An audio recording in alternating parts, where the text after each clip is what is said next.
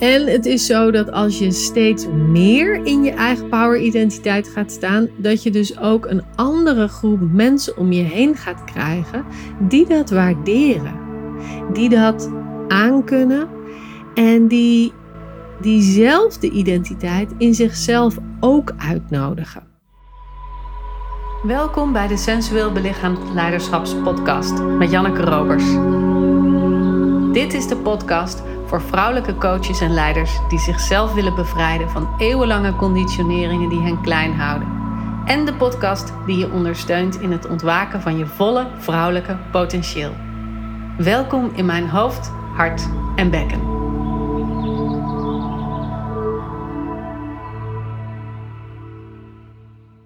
Vandaag wil ik het met je hebben over vrouwelijke kracht.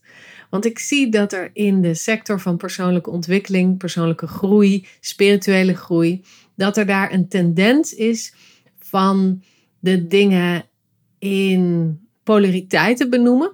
Dat doe ik zelf ook vaak. We hebben het veel over de vrouwelijke energie versus de mannelijke energie. En dan krijg je misschien het idee dat de vrouwelijke expressie vooral gaat over de vrouwelijke energie. Dus het naar binnen gekeerde, de verstilling, de gevoelslaag, de cyclische beweging versus het naar buiten treden, de expressie, het doelgerichte, de actie, de vurige energie. En dat is waar als het gaat over die polariteiten, als het gaat over licht versus donker, hard versus zacht, naar buiten versus naar binnengekeerdheid. Maar de expressie van het vrouwelijke, van het heilige vrouwelijke, omvat dat hele spectrum. Dat is niet hetzelfde als de vrouwelijke energie. Dus ik wil daar heel duidelijk over zijn, zodat jij niet het gevoel hebt dat je als vrouw misschien alleen maar die vrouwelijke energie mag omarmen. Dat is niet zo. Dat heb ik ook al in de vorige aflevering gezegd over emotionele flexibiliteit. Het is juist belangrijk dat we dat hele spectrum kunnen omarmen. En dat we expressie kunnen geven aan al die facetten van het vrouwelijke. Het vrouwelijke, dus niet de vrouwelijke energie. Hè? Daar, daar komt heel veel verwarring over, omdat er zoveel verschillende termen zijn die op elkaar lijken, maar niet hetzelfde zijn. Dus de vrouwelijke energie gaat over dat naar binnen gekeerde, zoals ik het zei. Het vrouwelijke, dus het heilige vrouwelijke, gaat over al die aspecten van het vrouw zijn die we allemaal in ons hebben. Dus dat gaat ook over de verwoestende energie, over de vurige energie, over de huiselijke energie, over de liefdevolle, de verstilling, de krachtige, de um, omarmende, de destructieve. Over al die verschillende aspecten van ons zijn die we naar buiten kunnen brengen. Dus alle vormen van expressie. En daarin zijn natuurlijk bepaalde uitingen gezond, voedend. En andere uitingen zijn wat meer destructief of niet helpend of ongezond. Maar in essentie is het heel noodzakelijk om die grote verscheidenheid aan expressie in jezelf te kunnen openen. Want je kunt je natuurlijk voorstellen dat als je met name het liefdevolle meisje in je omarmt en dat facet van je naar buiten brengt, dat is natuurlijk super veilig. Het is prettig omdat je daarmee verbinding kan maken met andere mensen. Maar het helpt je niet in bijvoorbeeld onderhandelingen. Of het helpt je niet in een vurige liefdesrelatie openen. Het helpt je niet in stevige grenzen stellen met je kinderen. Dus je hebt naast dat ene aspect wat jouw voorkeur heeft, ook al die andere aspecten in jezelf te kunnen openen, zodat je ze kan inzetten op de momenten dat je ze nodig hebt. En daarom wil ik het vandaag hebben over het aspect van de kracht in het heilige vrouwelijke, de, de power-identiteit als het ware, omdat die heel belangrijk is als vertrekpunt. We zeggen wel eens: dit komt uit de grond van mijn hart. En wat ik dan eigenlijk denk, is dat het gaat: dit komt uit de grond van mijn bekken. Daar waar de innerlijke stevigheid vandaan komt, daar waar de uitgelijndheid vandaan komt, daar waar je kunt voelen: zo is het voor mij. En dat betekent niet dat je geen verbinding hebt met andere mensen. Het betekent niet dat een ander niet een andere mening of een ander gevoel of een andere visie kan hebben. Maar dat je zelf kan landen in die stevige bodem waarbij je kan voelen: zo is het voor mij en niet anders.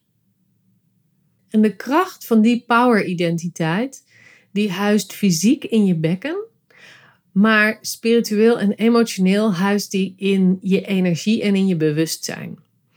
En dat betekent dat je kan zeggen. Er is zo'n tantrische waarheid en die zegt: The power lies within.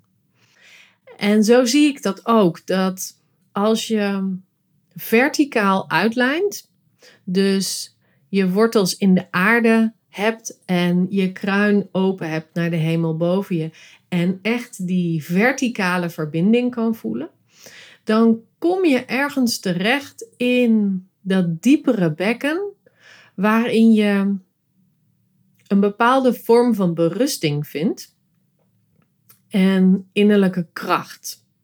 En als je die identiteit claimt en door jezelf heen trekt, als het ware, de energie daarvan door je heen trekt en dat bewustzijn in je hele lichaam verankert, dan kun je niet meer liegen naar jezelf. Dan kun je niet meer je eigen verlangens ontkennen.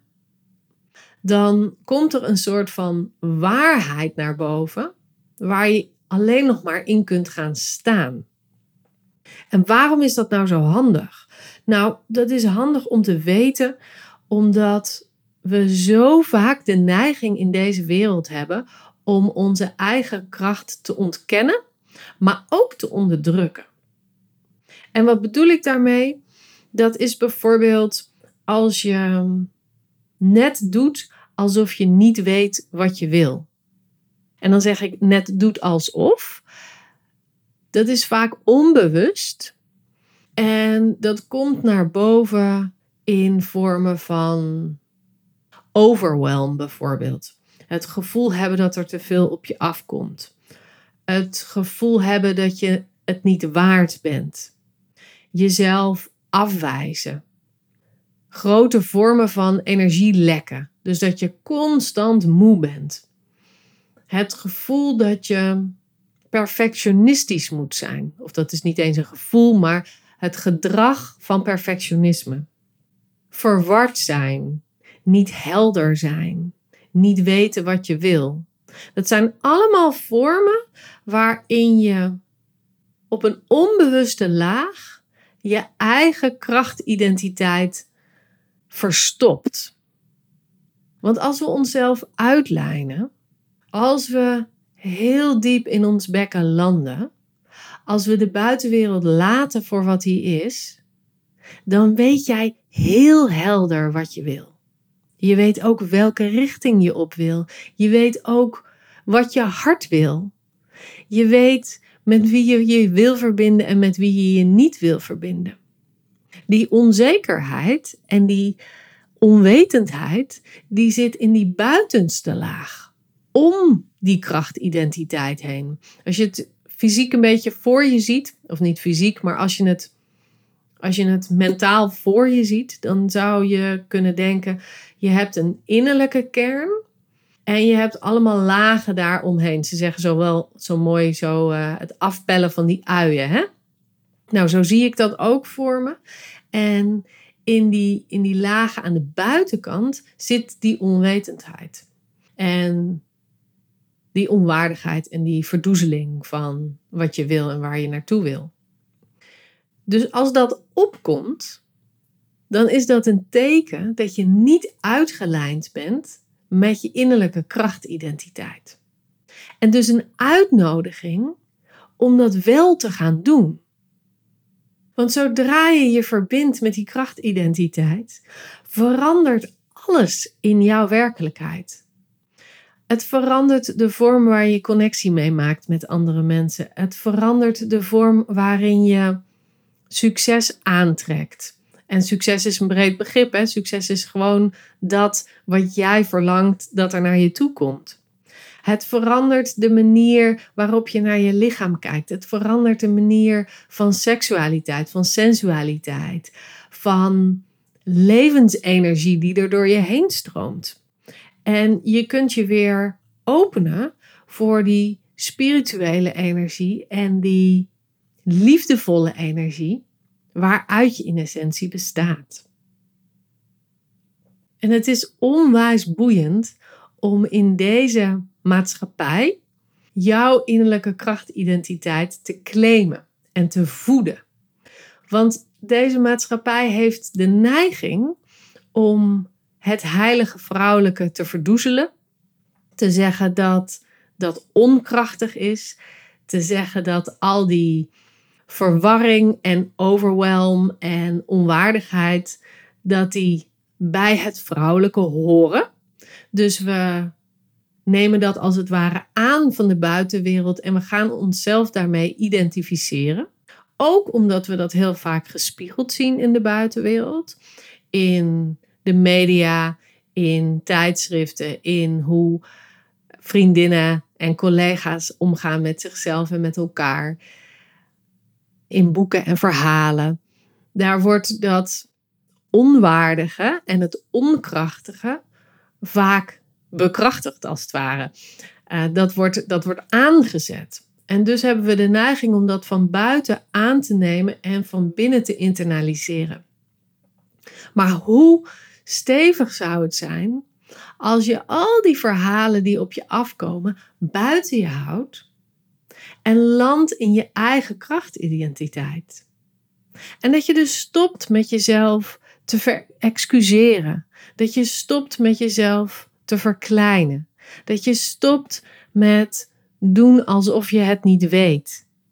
Dat je, het, dat je stopt met je gedragen als een slachtoffer of als een aanklager, als iemand die weet hoe het zit, als iemand die erboven staat. Want ook dat is een vorm van niet in je eigen kracht staan, omdat je de ander wil onderdrukken om zelf maar net iets steviger naar boven te komen. Dus zowel erboven hangen als eronder hangen is een vorm waarin je energie lekt en niet centraal en gegrond in je eigen identiteit kan staan. En wat hebben we daarvoor nodig?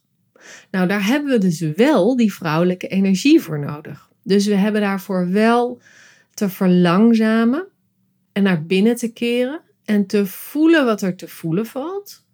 En ons te verbinden met die innerlijke wijsheid en die innerlijke waarheid. En als we dat doen, dan hebben we vervolgens de ruimte te scheppen en de veiligheid te scheppen in onszelf om die waarheid naar buiten te kunnen brengen. En dat betekent dat je je op een bepaalde manier loskoppelt van dat wat de buitenwereld hiervan vindt. Want de buitenwereld vindt van alles van krachtidentiteiten, van poweridentiteiten, van krachtige vrouwen, van mensen die in hun wijsheid of in hun waarheid blijven staan. Dat is namelijk voor veel mensen beangstigend, omdat ze zelf niet in hun krachtidentiteit staan. En jij nodigt hen dus uit om hun eigen waarheid en hun eigen wijsheid te kunnen vinden. Maar de meeste mensen kunnen dat niet. De meeste mensen zijn niet zo opgegroeid. De meeste mensen hebben daar geen ervaring mee. Dus hun reactie is of uh, weerzin, um, uh, tegenkracht, of kleiner maken. En dat maakt dus dat we een reactie ontvangen, vaak van de buitenwereld, die pijnlijk is. Want we willen in essentie verbinden met andere mensen. We willen in essentie op gelijkwaardig niveau met elkaar kunnen verbinden. Dus als ik in mijn krachtidentiteit stap, dan nodig ik jou uit om dat ook te doen. En als je dat dan niet doet, als je dan eronder of erboven gaat zitten, dan mis ik de connectie. En dat is heel pijnlijk, want ik wil juist verbinden, ik wil juist ontmoeten, maar wel in gelijkwaardigheid. En dat is vaak ook de reden waarom als we beginnen met stappen in onze krachtidentiteit, we daarna heel snel terugkruipen in onze schulp.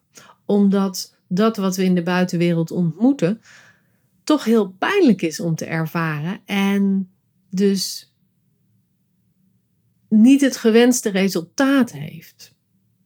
Dus dat is belangrijk om te realiseren.